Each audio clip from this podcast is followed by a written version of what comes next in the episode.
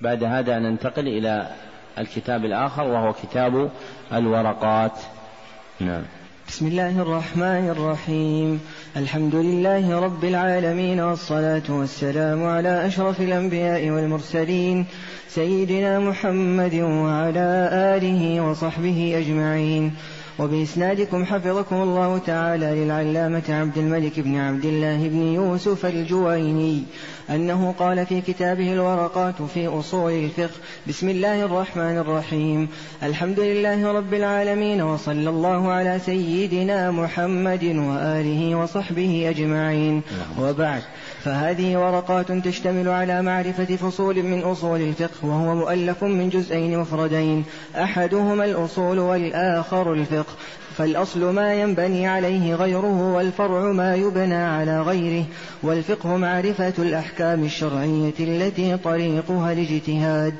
أشار المصنف رحمه الله أن هذه الورقات تشتمل على نبذة مختصرة من أصول الفقه فقال فهذه ورقات تشتمل على معرفة أصول من أصول الفقه.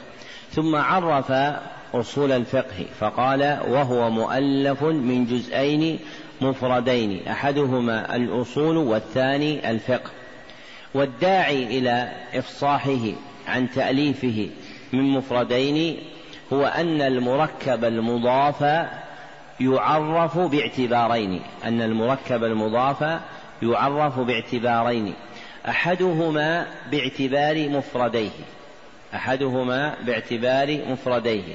والآخر باعتبار تركيبه الإضافي. والآخر باعتبار تركيبه الإضافي.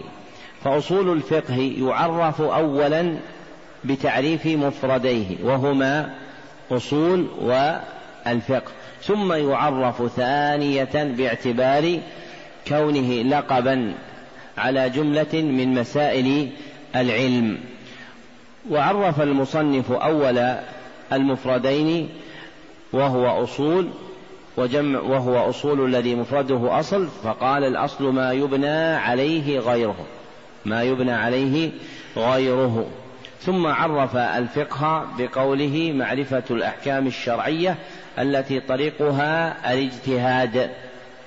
ثم ذكر رحمه الله تعالى تعريف الفرع بعد ذكره تعريف الأصل وفي ذكره تعريف الفرع وجهان وفي ذكره تعريف الوجه الفرع وجهان. أحدهما أنه استطراد. فلما ذكر الأصل ذكر مقابله وهو الفرع. فلما ذكر الأصل ذكر مقابله وهو الفرع. والآخر أنه ذكره للاحتياج إليه أنه ذكره للاحتياج إليه. فإن أصول الفقه لا يتم تصورها إلا بامتزاجها بالتمثيل بفروع. فإن أصول الفقه لا يتم تصورها إلا بامتزاج التمثيل لها بفروع. والذي ذكره المصنف من حد الأصل هو تعريف لغوي والذي ذكره في حد الفقه هو تعريف اصطلاحي. وكان جديرا به أن يعرف كل واحد منهما في اللغة والاصطلاح ولم يجري المصنف هنا على تدقيق العبارات بل جرى في كتابه هذا على المسامحة حتى فيما يترجح عنده في أصول الفقه. فالأقوال المذكورة هنا لا تعزى إليه أنها اختياره في أصول الفقه لأن له كتبا مطولة كالبرهاني وغيره بين فيها ما يرجحه بأدلته وتعليلاته في أبواب أصول الفقه. والداعي له إلى المسامحة أن هذا التصنيف موضوع للمبتدئين. أن هذا التصنيف موضوع للمبتدئين. ومعاملة مثلهم تستدعي المسامحة. ومعاملة مثلهم تستدعي المسامحة. ولما عرف الفقه اصطلاحا جرى فيه على جعل متعلق العلم هو معرفة المتعلم فقال الفقه معرفة. وهذه إحدى طرائق أهل العلم في بيان العلوم أنهم يجعلونها المعرفة التي يدركها المتعلم أنها المعرفة التي يدركها المتعلم. فما النظر إلى كونها قواعد؟ أن تبين العلوم بالنظر إلى كونها قواعد. فإن معرفة المتعلمين تختلف باختلاف مداركهم. فإن معرفة المتعلمين تختلف باختلاف مداركهم. فالأكمل النظر إلى العلوم باعتبار كونها قواعد مقررة وأصولا محررة. وحينئذ فيستعمل في بيان حقائقها القول بأنها القواعد التي كذا وكذا ويبين متعلقها باعتبار الداعي الذي يقترن به ذلك الحكم. وأطلق المصنف في حد الفقه القول في الأحكام الشرعية والفقهاء لا يبحثون الأحكام الشرعية كلها. ويخصون بحثهم بالأحكام الشرعية الطلبية فإن وراءها نوعا آخر من الأحكام وهو الأحكام الشرعية الخبرية وهي التي تبحث في علم الاعتقاد. وهذه الأحكام جعل المصنف طريقها الاجتهاد فخرج من هذا الأحكام الشرعية الطلبية غير الاجتهادية أي التي ليس طريقها الاجتهاد فلم يدخلها رحمه الله تعالى في الفقه. وهذه طريقة الأصوليين فإن الأصوليين يقصرون اسم الفقه على المسائل الاجتهادية يقصرون اسم الفقه على المسائل الاجتهادية. وأما الفقهاء فإنهم يدرجون في اسم الفقه المسائل الاجتهادية وغير الاجتهادية فإنهم يدرجون في اسم الفقه المسائل الاجتهادية وغير الاجتهادية فيسمونها جميعا فقها. واضح الفرق بينهم؟ يعني الأصوليين يخصونها بالمسألة اجتهادية فيسمونها فقها. وأما الفقهاء فيدرجون فيها اجتهادية وغير اجتهادية فمثلا مسألة الصلوات المكتوبة في اليوم والليلة خمس. فهذه المسألة عند الفقهاء تعد من الفقه وعند الأصوليين لا تعد من الفقه لأنها ليست من المسائل الاجتهادية. والمقدم في بيان حقيقة الفقه هو ما عليه الفقهاء من الأصوليون؟ هو ما عليه الفقهاء لأنها صنعتهم فيقدمون فيها. قال ابن عاصم في مرتقى الوصول وكل فن فله مجتهد عليه في تحريره يعتمد. نعم. أحسن الله إليكم. قال رحمه الله والأحكام سبعة الواجب والمندوب والمباح والمحظور والمكروه والصحيح والباطل. الواجب ما يثاب على فعله ويعاقب على تركه والمندوب ما يثاب على فعله ولا يعاقب على تركه والمباح ما لا يثاب على فعله ولا يعاقب على تركه والمحظور ما يثاب على تركه ويعاقب على فعله والمكروه ما يثاب على تركه ولا يعاقب على فعله والصحيح ما يعتد به ويتعلق به النفوذ والباطل ما لا يتعلق به النفوذ ولا يعتد به. لما عرف المصنف رحمه الله الفقه بقوله معرفة الأحكام الشرعية الطلبية شرع معرفة الأحكام الشرعية إلى آخره شرع يبين هنا هذه الأحكام شرع يبين هنا هذه الأحكام. فقال والأحكام سبعة وتقسيمه إياها بما ذكر يفيد أنه يريد بها الأحكام الشرعية الخبرية أم الطلبية؟ الطلبية لأنها محل المذكور معها. وذكر أنها سبعة باعتبار المشهور. وذكر أنها سبعة باعتبار المشهور من عدها أفرادا باعتبار من عدها المشهور من عدها أفرادا دون ملاحظة موردها الجامع دون ملاحظة موردها الجامع. والمتقرر عند أهل التحقيق أن الأحكام الشرعية الطلبية في النظر الأصولي نوعان. أن الأحكام الشرعية الطلبية في النظر الأصولي نوعان. أحدهما الحكم التكليفي. والآخر الحكم الوضعي. فأما الحكم التكليفي فهو الخطاب الشرعي الطلبي. فهو الخطاب الشرعي الطلبي. المتعلق بفعل العبد اقتضاء أو تخييرا. المتعلق بفعل العبد اقتضاء أو تخييرا. والحكم الوضعي هو الخطاب الشرعي والطلبي. المتعلق بوضع شيء علامة على شيء. الخطاب الشرعي الطلبي المتعلق بوضع شيء علامة على شيء. فالنظر الأصولي جعل هذه الأحكام السبعة وغيرها عائدة إلى موردين. أحدهما الحكم التكليفي والآخر الحكم الوضعي.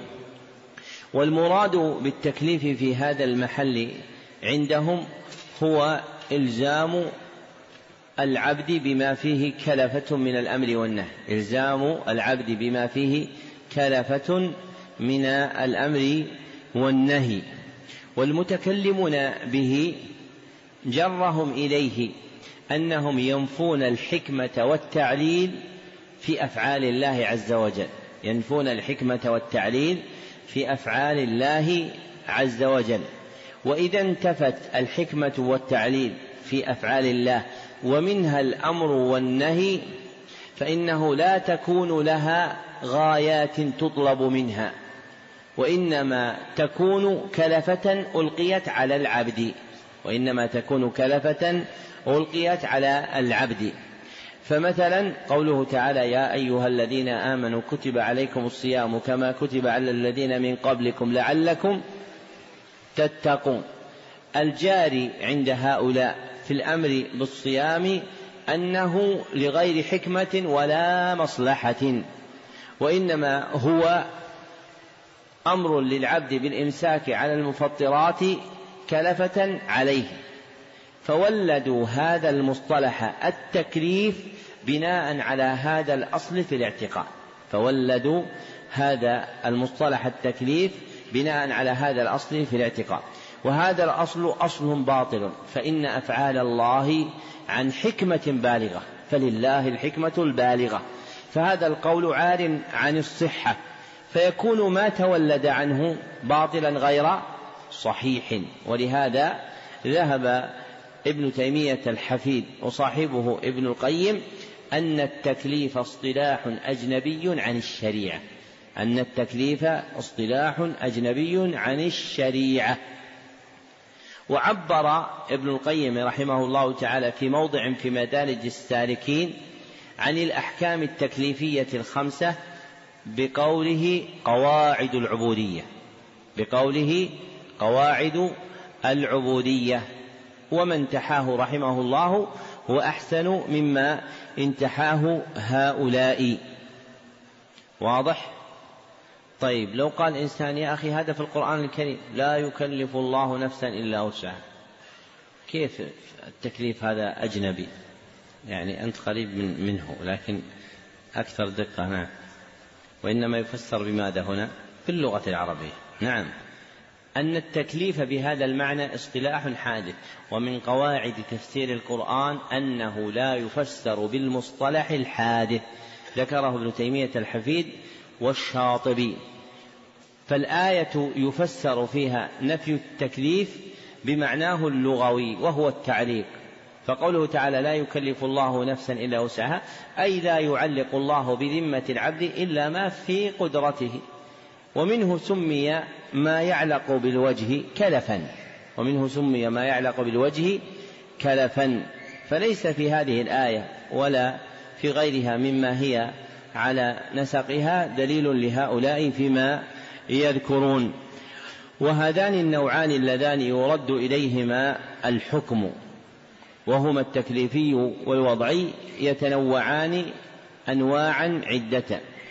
ومما ذكره العلماء رحمه الله رحمهم الله من تلك الأنواع ما أورده المصنف بقوله الواجب والمندوب والمباح والمحظور والمكروه والصحيح والباطل فالواجب والمندوب والمباح والمحظور والمكروه تندرج في الحكم التكليفي فالمباح فالواجب والمندوب والمباح والمحظور والمكروه تندرج في الحكم التكليفي والصحيح والباطل يندرجان في الحكم الوضعي يندرجان في الحكم الوضعي وهذه الألفاظ التي ذكرها المصنف بقوله الأحكام هي الواجب والمندوب والمباح هي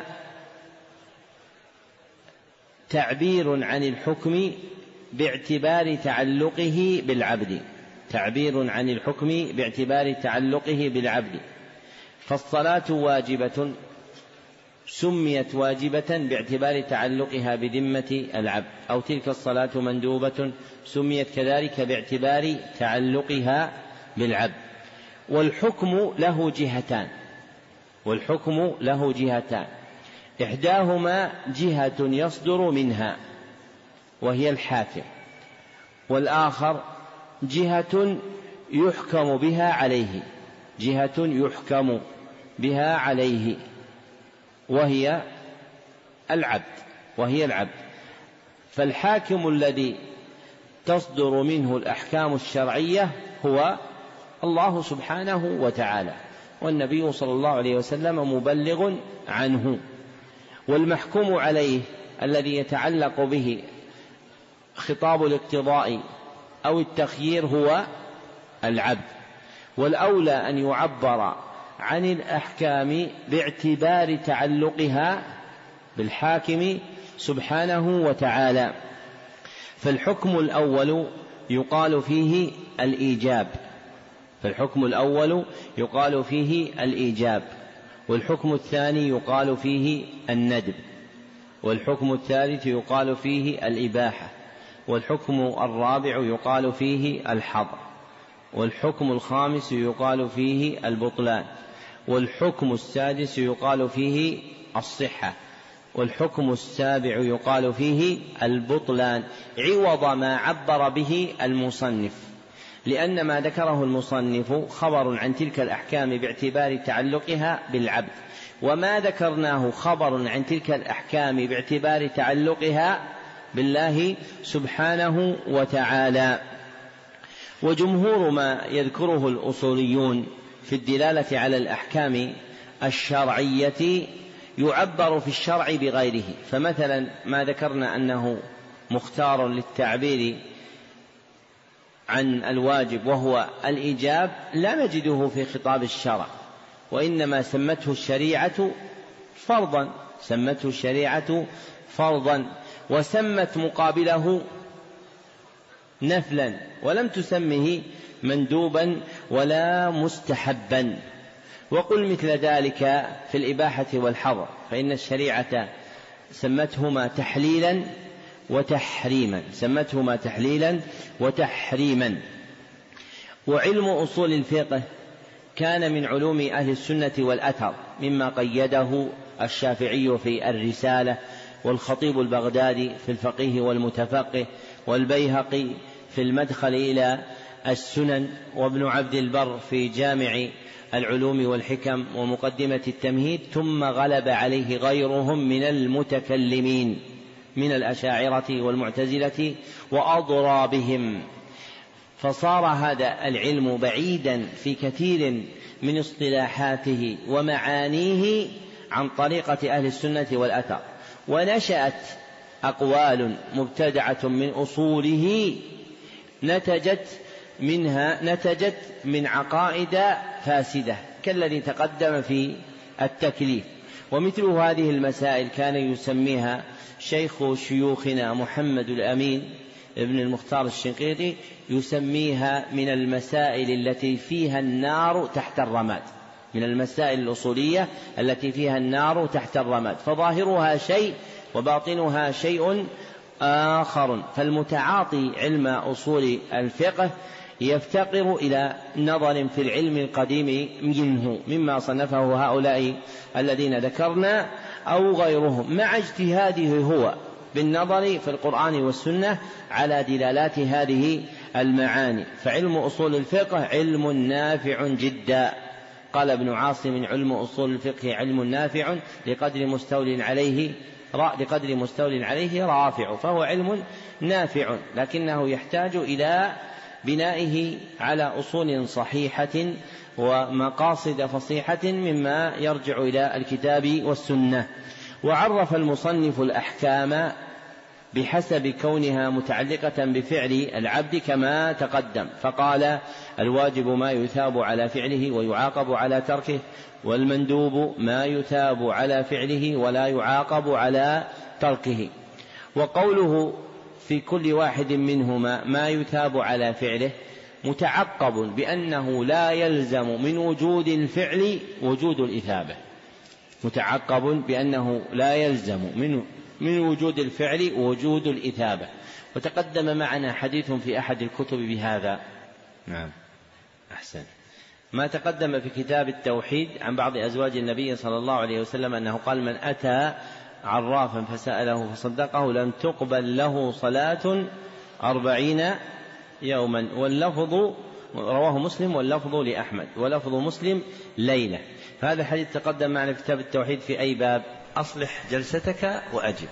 شفت جوابك ضيعت الجلسة باب بيان شيء من أنواع السحر. باب بيان شيء من أنواع السحر. ففي هذا الحديث يصلي الرجل أربعين يوما وفي رواية أخرى أربعين ليلة ولا يحصل له ثواب. فقد يوجد الفعل ويتخلف عنه الثواب. وكذلك قوله في الواجب ويعاقب على تركه. فلا يلزم من وجود الترك وجود المعاقبة. فلا يلزم من وجود الترك وجود المعاقبة. فإنه قد يترك ويعفو الله عز وجل فيكون تحت المشيئة. إن شاء الله عز وجل عاقبه وإن شاء عفى عنه. وكذلك قوله في المحظور ما يثاب على تركه ويعاقب على فعله والمكروه ما يثاب على تركه ويعاقب ولا يعاقب على فعله يرد على ما ذكر في الإثابة والعقاب ما تقدم في مقابلهما من الفرض والندب. وذكر بين المتقابلات من الأحكام ما خلا من إثابة وعقاب فقال والمباح ما لا يثاب على فعله ولا يعاقب على تركه. وقد يخرج المباح عن هذا لأحد شيئين.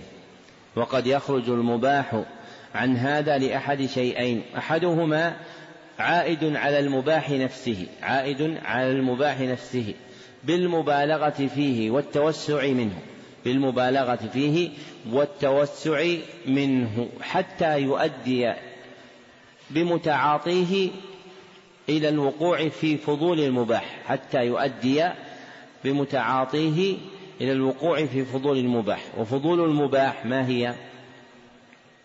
نعم.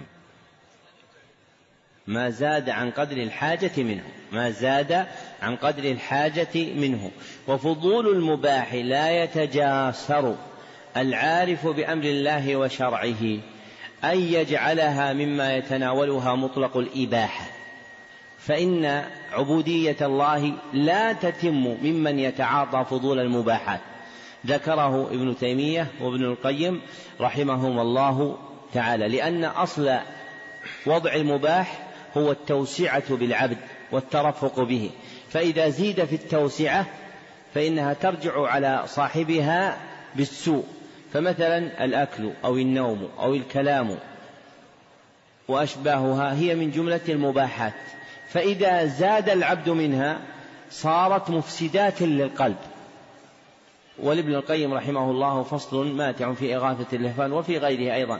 في بيان سوء أثر هذه المباحات التي يتعاطاها الناس من الأكل والشرب والكلام على القلب إذا زادت على قدرها فإذا زاد الشيء على قدره مما أذن الله به فإنه يرجع على متعاطيه بالسوء.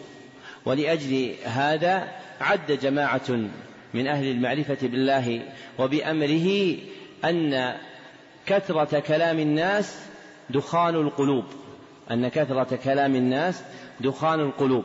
وهذا بمنزلة عوادم السيارات. فإن أحدنا إذا أخذ في طريق يمشي فيه بين السيارات وعوادمها تلقي ما تلقي على ثوبه فإن ثوبه يتسخ ويتغير. فكذلك إذا عرضت قلبك على مجالس الناس واختلطت بهم وأكثرت من الكلام فإن قلبك يكون بمنزلة ثوبك إذا أخذت في طريق مملوء بسيارات فيها عوادم تفسد نظافة ثوبك. وهذه المعاني الشريفة يغفل عنها كثير من الناس فيتوسعون في المباح باعتبار أصله ويذهلون عن هذا المعنى. لكن الأمر كما ذكر ابن تيمية لما سأله ابن القيم عن شيء من المباحات فقال هذا مما لا يليق بأصحاب الهمم العالية. فهذه المقاصد لا تحسن بأصحاب الهمم العالية. والآخر عائد إلى خارج عنه. عائد إلى خارج عن المباح. كقصد فاعله كقصد فاعله. فإنه إذا كان قصده حسنا في المباح أثيب عليه وإذا كان قصده سيئا في المباح فإنه يعاقب عليه. وما ذكره المصنف في قوله والصحيح ما يعتد به ويتعلق به النفوذ والباطل ويعتد به والباطل ما لا يتعلق به النفوذ ولا يعتد به هذا هو أثر الحكم الوضعي. هذا هو أثر الحكم الوضعي وليس هو الحكم الوضعي نفسه وليس هو الحكم الوضعي نفسه. فالحكم الوضعي هو الخطاب الشرعي الطلبي المتعلق بوضع شيء علامة على شيء. الخطاب الشرعي الطلبي المتعلق بوضع شيء علامة على شيء. وأنواعه ثلاثة وضع شرط ووضع سبب ووضع مانع وضع شرط ووضع سبب ووضع مانع. وما عبر به في أثر الحكم الوضعي من ذكر النفوذ بإطلاق يشمل العبادات والعقود متعقب بأن النفوذ لا يتصور في العبادات. بأن النفوذ لا يتصرف يتصور في العبادات. فالنفوذ هو التصرف الذي لا يقدر متعاطيه على رفعه. التصرف الذي لا يقدر متعاطيه على رفعه. فمثلا إذا اتفق اثنان على بيع وشراء ثم تعاقدا بمشهد أناس وافترقا من المجلس فإن العقد حينئذ يكون لازما لهما ويسمى نافذا أي يمضي حكمه. والعبادات لا يطلق فيها هذا فإنه يمكن أن يتخلف الجزاء من الله. فإنه يمكن أن يتخلف الجزاء من الله. وهذا يرجع إلى قاعدة لا يتم الحكم حتى تجتمع الشروط وتنتفي الموانع التي تقدم ذكرها. وأوفى وأولى مما ذكره المصنف في حدود تلك الأحكام السبعة أن تبين بما يدل عليه خطاب الشرع فيها وهو ما نذكره فنقول أما الإيجاب فهو الخطاب الشرعي الطلبي الخطاب الشرعي الطلبي المقتضي للفعل اقتضاء لازما المقتضي للفعل اقتضاء لازما ويسمى في الشرع إيش؟ فرضا. وأما الندب فحده الخطاب الشرعي الطلبي المقتضي للفعل اقتضاء غير لازم. المقتضي للفعل اقتضاء غير لازم. ويسمى في الشرع نفلا. ويسمى في الشرع نفلا.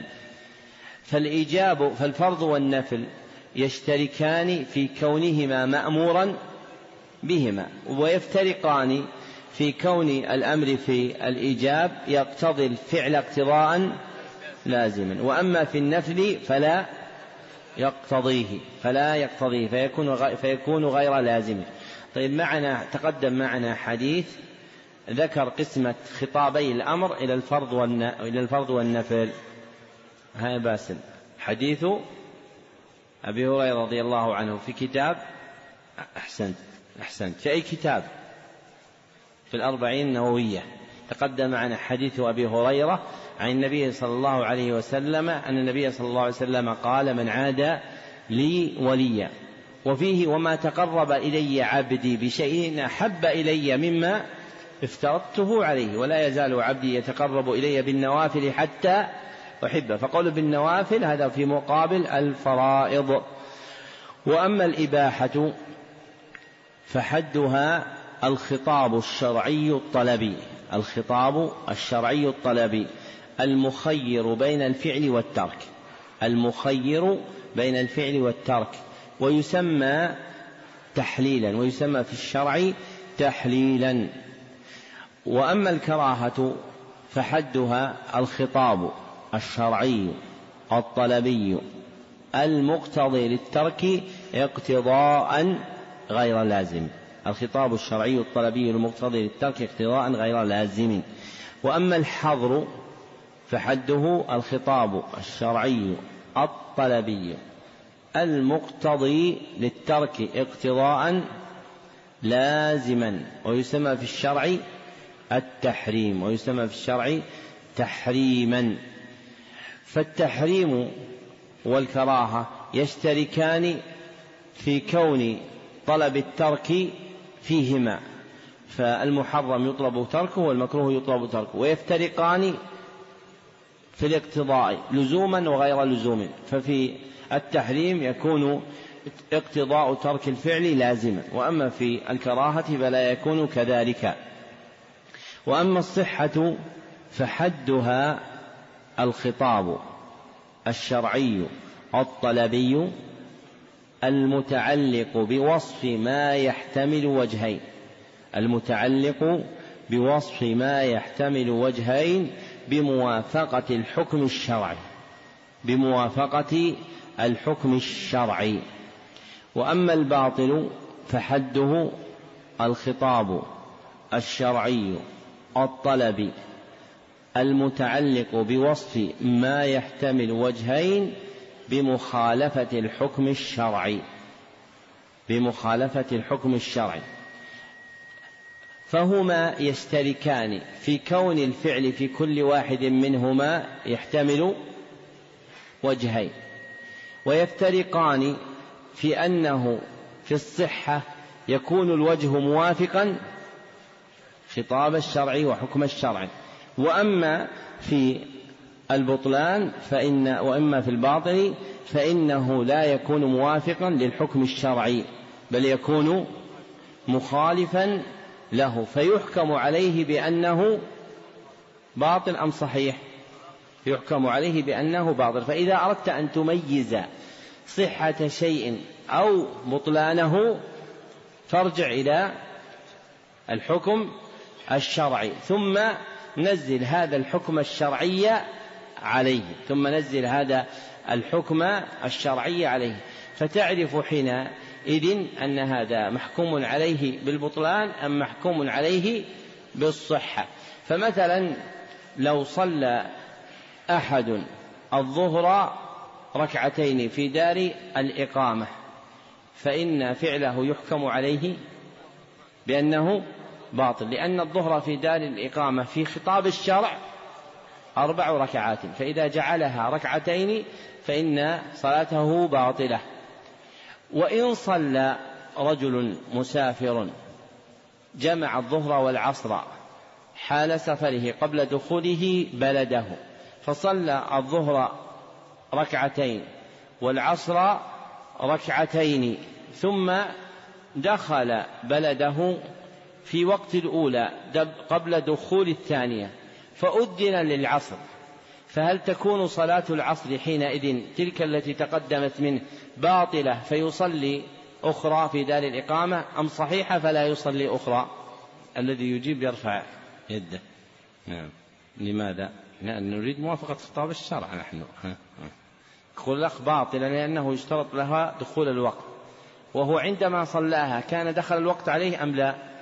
دخل عليه الوقت لأن الصلاتين المجموعتين يكون وقتهما واحدا فهي تكون صلاة صحيحة لأنها وقعت وفق خطاب الشرع. والنبي صلى الله عليه وسلم قال من عمل عملا ليس عليه أمرنا فهو رد فهذا يقتضي أنه إذا عمل عملا عليه أمرنا فهو مقبول يصح من صاحبه كالمسألة التي مثلنا. نعم.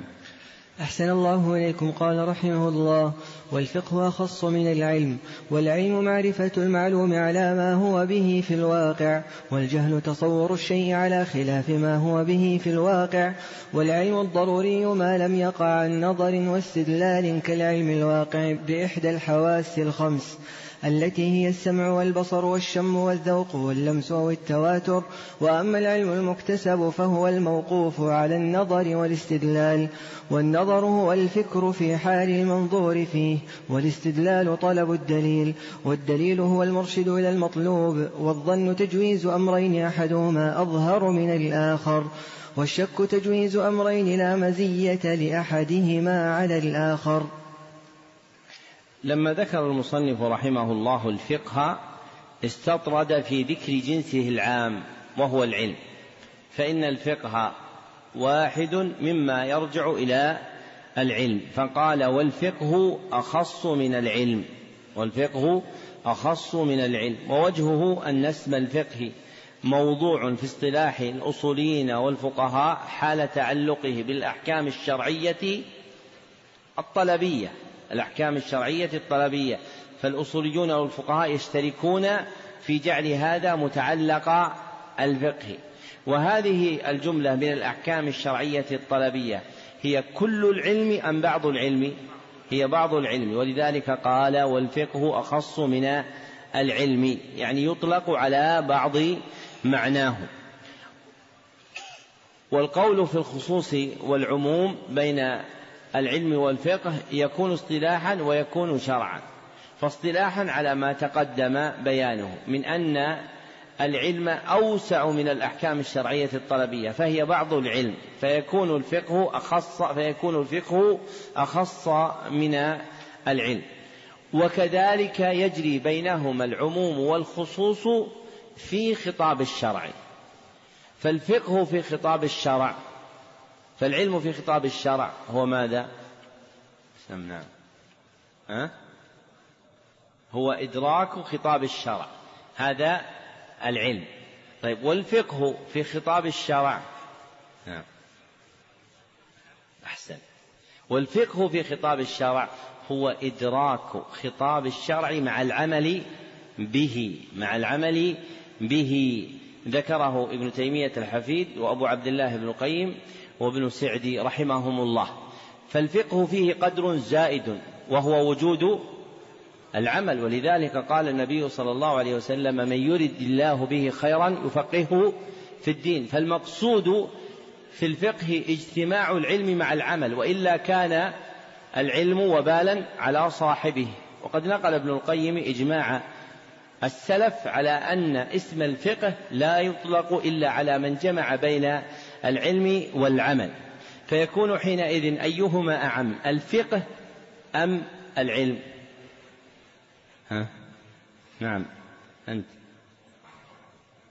الأعم منهما العلم والفقه أخص منه فالعلم دائرة عظيمة وهي إدراك خطاب الشرع وأخص منها إدراك خطاب الشرع مع العمل به وأخص منهما دائرة ثالثة وهي ناصر. وهو أيوة، أحسنت وهو وأخص منهما التأويل وهو إدراك خطاب الشرع مع العمل به ومعرفة ما تؤول إليه الأمور ومعرفة ما تؤول إليه الأمور فهو فهي أخص مراتب إدراك خطاب الشرع. ولذلك لما دعا النبي صلى الله عليه وسلم لابن عباس رضي الله عنه دعا له بالمرتبة العالية. وهي التأويل على هذا المعنى.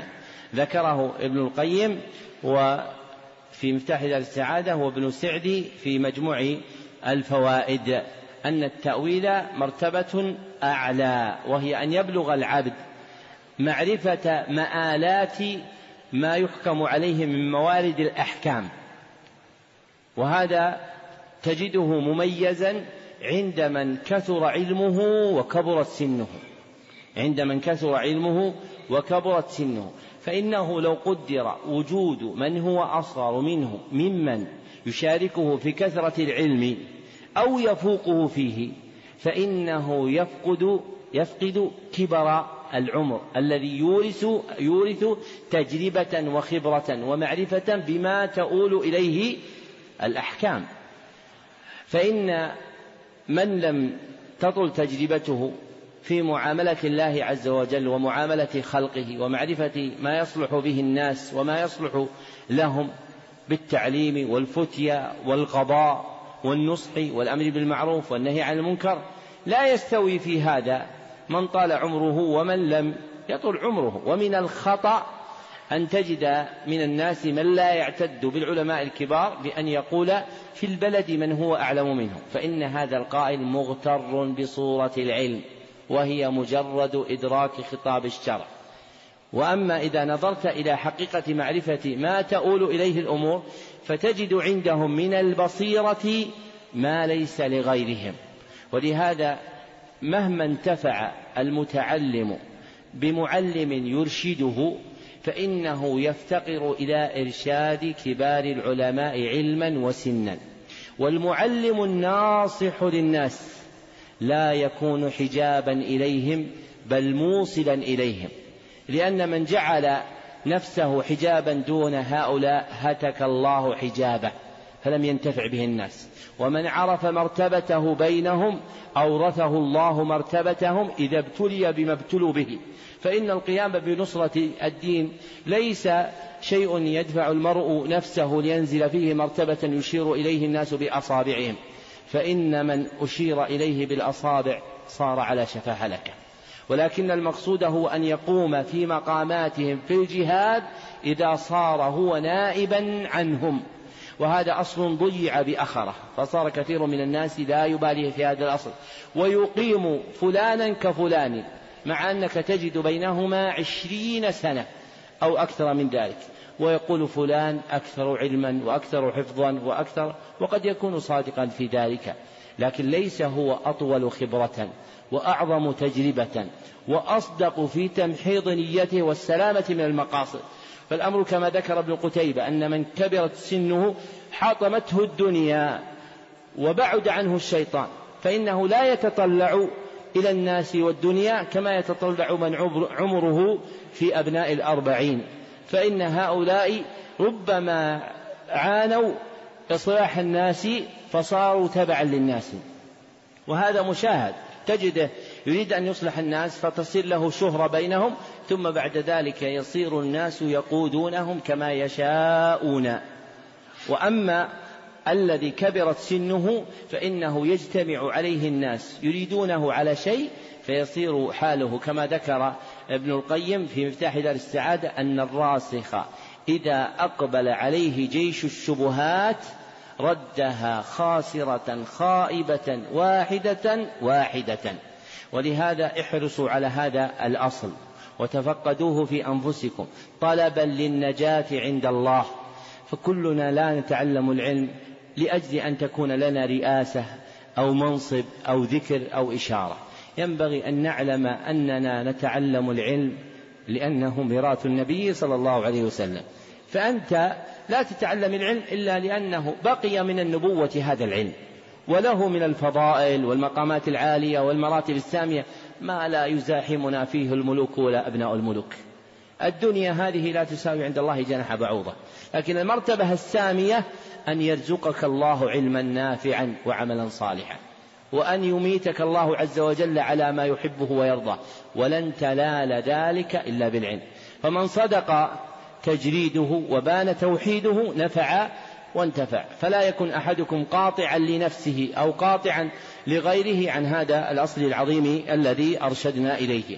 ثم عرف المصنف رحمه الله العلم بعد بيان صلته بالفقه فقال والعلم معرفة المعلوم على ما هو به في الواقع. والعلم معرفة المعلوم على ما هو به في الواقع. فالعلم مركب من أمرين. فالعلم مركب من أمرين. أحدهما معرفة المعلوم. معرفة المعلوم. وهو المدرك الذي تعلق به العلم. وهو المدرك الذي تعلق به العلم. والآخر كون معرفته واقعة على ما هو به في الواقع. كون معرفته واقعة على ما هو به في الواقع. أي على ما هو عليه في الأمر نفسه. أي على ما هو عليه في الأمر نفسه. فيكون إدراك المعلوم موافقا لحقيقة الأمر. فيكون إدراك المعلوم موافقا لحقيقة الأمر. وهذه الموافقة مردها إلى أحد شيئين. وهذه الموافقة مردها إلى أحد شيئين. أحدهما موافقته على ما هو عليه في الشرع. موافقته على ما هو عليه في الشرع. والآخر موافقته على ما هو عليه في القدر. موافقته على ما هو عليه في القدر. فمثلا لو قيل لأحدهم كم ركعات صلاة الظهر؟ فقال أربع فإن إدراكه هذا يسمى علما لأنه موافق للمعلوم على ما هو به أين؟ في خطاب الشرع. وإذا قيل لأحد ما هي آخر أمة كان فيها أنبياء؟ سبقت أمة محمد صلى الله عليه وسلم فقال هم بنو إسرائيل. وكان هذا موافقا للأمر في الواقع في قدر الله. فإن سرد الأمم مشهور معروف. وكانت هذه الأمة أمة بني إسرائيل هي التي قبل أمة محمد صلى الله عليه وسلم في الديانة. فيكون جوابه موافقا للأمر على ما هو به في الواقع أي في تاريخ الأمم. وقس على هذا نظائره فيما يتعلق بالشرع أو بالقدر. ثم عرف المصنف الجهل. فقال والجهل تصور الشيء على خلاف ما هو به في الواقع. تصور الشيء على ما على خلاف ما هو به في الواقع. فالجهل مركب من شيئين. أحدهما تصور الشيء أي انطباع صورته في النفس. تصور الشيء أي انطباع صورته في النفس. والآخر وقوع ذلك التصور على خلاف ما هو عليه في الواقع. وقوع ذلك التصور على خلاف ما هو عليه في الواقع. فحقيقة الجهل إدراك الشيء على خلاف ما هو عليه في الواقع. إدراك الشيء على خلاف ما هو عليه في الواقع. ويسمى هذا جهلا مركبا. ويسمى هذا جهلا مركبا. ويقابله الجهل البسيط وهو عدم الإدراك بالكلية. وهو عدم الإدراك بالكلية. فصار للجهل نوعان. أحدهما الجهل المركب وهو عدم إدراك الشيء بالكلية. والآخر الجهل البسيط وهو أو عكسنا نحن نعم. الجهل البسيط وهو عدم الإدراك بالكلية. والآخر الجهل المركب وهو إدراك الشيء على خلاف ما هو عليه في الواقع. فلو سئل أحد متى وقعت غزوة بدر؟ فقال لا أدري. فهذا يسمى جهلا بسيطا. ولو قيل له متى وقعت غزوة بدر؟ فقال في سنة أربعمائة. فإن هذا يسمى جهلا يسمى جهلا مركبا. وسمي جهلا مركبا لأنه لا يدري ولا يدري أنه لا يدري. فهو يتركب عنده جهلان ركب أن مركب لا أولا لا يدري والثاني لا يدري أنه لا يدري. وهذا الجهل المركب يوجد معه إدراك أم لا يوجد؟ يوجد معه إدراك لكنه إدراك مكذوب لا حقيقة له. إدراك مكذوب لا حقيقة له فهو حقيق بأن يسمى تخييلا بأن يسمى تخييلا فهو يتوهم إدراكا وذلك الإدراك في الحقيقة لا وجود لا وجود له. ثم ذكر المصنف بعد ذلك ما يتعلق بأقسام العلم فجعل العلم قسمين أحدهما العلم الضروري والآخر العلم النظري. فأما العلم الضروري فهو ما وقع وقوعا تذعن له النفس وتقر به. ما وقع وقوعا تذعن له النفس وتقر به. فلا يفتقر إلى نظر واستدلال. وهذا معنى قولهم العلم الضروري ما لا يفتقر إلى نظر واستدلال. أي لا يحتاج فيه إلى نظر واستدلال. ومثل له بمثالين.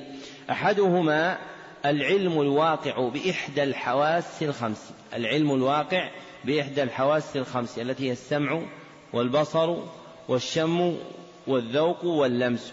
فما يدرك بهذه الحواس يسمى علما ضروريا كعلمك بأن النار حارة إذا لمستها. فهذا علم لا تحتاج فيه إلى دليل. هل هي حارة أم غير حارة؟ فإنك بمجرد وضع جلدك قريبا منها تدرك حرارتها. وأما العلم النظري فأما العلم الضروري فهو ما وقع وقوعا تذعن له النفس وتقر به.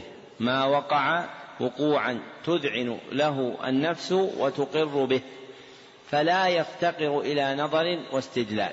وهذا معنى قولهم العلم الضروري ما لا يفتقر إلى نظر واستدلال أي لا يحتاج فيه إلى نظر واستدلال. ومثل له بمثالين أحدهما العلم الواقع بإحدى الحواس الخمس. العلم الواقع بإحدى الحواس الخمس التي هي السمع والبصر والشم والذوق واللمس. فما يدرك بهذه الحواس يسمى علما ضروريا كعلمك بأن النار حارة إذا لمستها. فهذا علم لا تحتاج فيه إلى دليل. هل هي حارة أم غير حارة؟ فإنك بمجرد وضع جلدك قريبا منها تدرك حرارتها. وأما العلم النظري فهو العلم الموقوف على النظر والاستدلال. فهو العلم الموقوف على النظر والاستدلال. فهو مفتقر إليهما ناتج عنهما. مفتقر إليهما ناتج عنهما. ثم عرف النظر وأتبعه بتعريف الاستدلال والدليل فقال والنظر هو الفكر في حال المنظور فيه. هو النظر في حك... هو الفكر في حال المنظور فيه. والمختار أن النظر هو حركة النفس لتحصيل الإدراك. هو حركة النفس لتحصيل الإدراك. أي التفكير فيما يطلب إدراكه. التفكير فيما يطلب إدراكه. وأما حد الاستدلال فذكره المصنف أنه طلب الدليل أنه طلب الدليل. ويقع أيضا على معنى إقامة الدليل للخصم أو بيانه للمسترشد المستفهم. فالاستدلال له اصطلاحا معنيان. فالاستدلال له اصطلاحا عند الأصوليين والفقهاء معنيان. أحدهما طلب الدليل طلب الدليل والآخر إقامة الدليل على الخصم أو بيانه للمسترشد المستفهم. إقامة الدليل على الخصم أو بيانه للمسترشد المستفهم. وحد الدليل بقوله المرشد إلى المطلوب المرشد إلى المطلوب. ولا يخلص مما ذكر حقيقة اصطلاحية له. والمختار أن الدليل هو ما يمكن التوصل بصحيح النظر فيه إلى مطلوب خبري ما يمكن بصحيح النظر التوصل بصحيح النظر فيه إلى مطلوب خبري أي تصديقي. ثم رجع إلى بيان نوعين من الإدراك هما الظن والشك فقال والظن تجويز أمرين أحدهما أظهر من الآخر والشك تجويز أمرين لا مزية لأحدهما على الآخر. فالظن يكون فيه تجويز أمرين أحدهما أظهر من الآخر فيسمى الأظهر ظنا ويسمى مقابله وهما. ويسمى مقابله وهما. وأما الشك فحقيقته كما تقدم إيش؟ إيش؟ ارفع نفسك ارفع صوتك. مو الريب أنتم تعرفان الريب. نحن نقول الشك. يا عبد الله. إيش؟ لا مزية لأحدهما على الآخر. نحن ذكرنا غير هذه العبارة. يا صالح. داخل إيش؟ لا هذا الريب وليس. نعم يا أخي. إيش؟ لا ليس اضطراب ها. هيا واثق. إيش؟ ترادف بين أمرين. يا أخي. مو استواء عبارة استواء. يا عبد الله. إيش؟ ارفع نفسك. ارفع صوتك. تداخل تداخل العلم في النفس حقيقة الشك تداخل العلم في النفس بحيث يتنازعه إدراكان أو أكثر. وهذا هو الذي عبر عنه الأصوليون بقول الجويني هنا تجويز أمرين لا مزية لأحدهما على الآخر. فإن المقصود بالتجويز أن يوجد إدراكان يتداخلان فلا يرجح أحدهما على الآخر وبقي من ما يدخل في أنواع الإدراك المتعلقة بهذا المقام الاعتقاد وهو إدراك الشيء على ما هو عليه إدراكا جازما. إدراك الشيء على ما هو عليه إدراكا جازما. يقبل التغير. إدراكا جازما يقبل التغير. ويندر ذكره عند الأصوليين. لماذا؟ يعني قد يوجد في بعض مطولات الأصول لكن يقل ذكره عندهم. أحسن.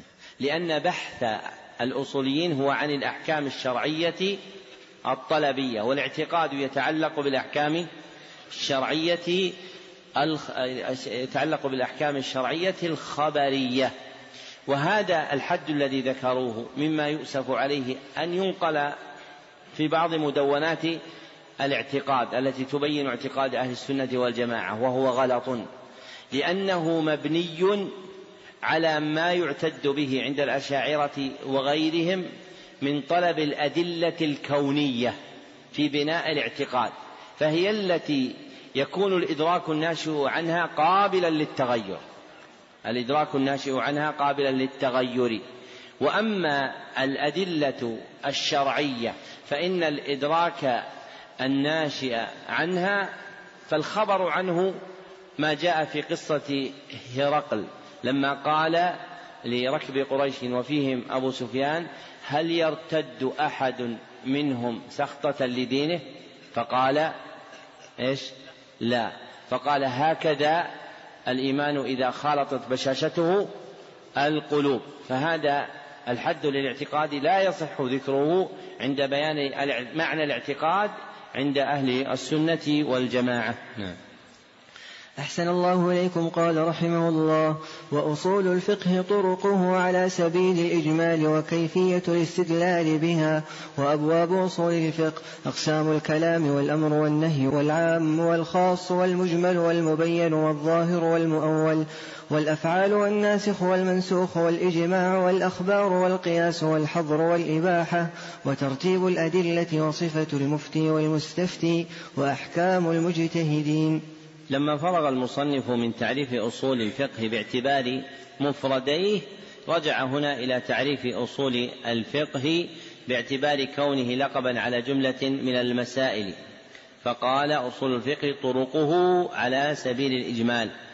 وتقدم أن بيان الحقائق العلمية يعلق بالقواعد فالمناسب أن تكون أصول الفقه هي قواعده الإجمالية.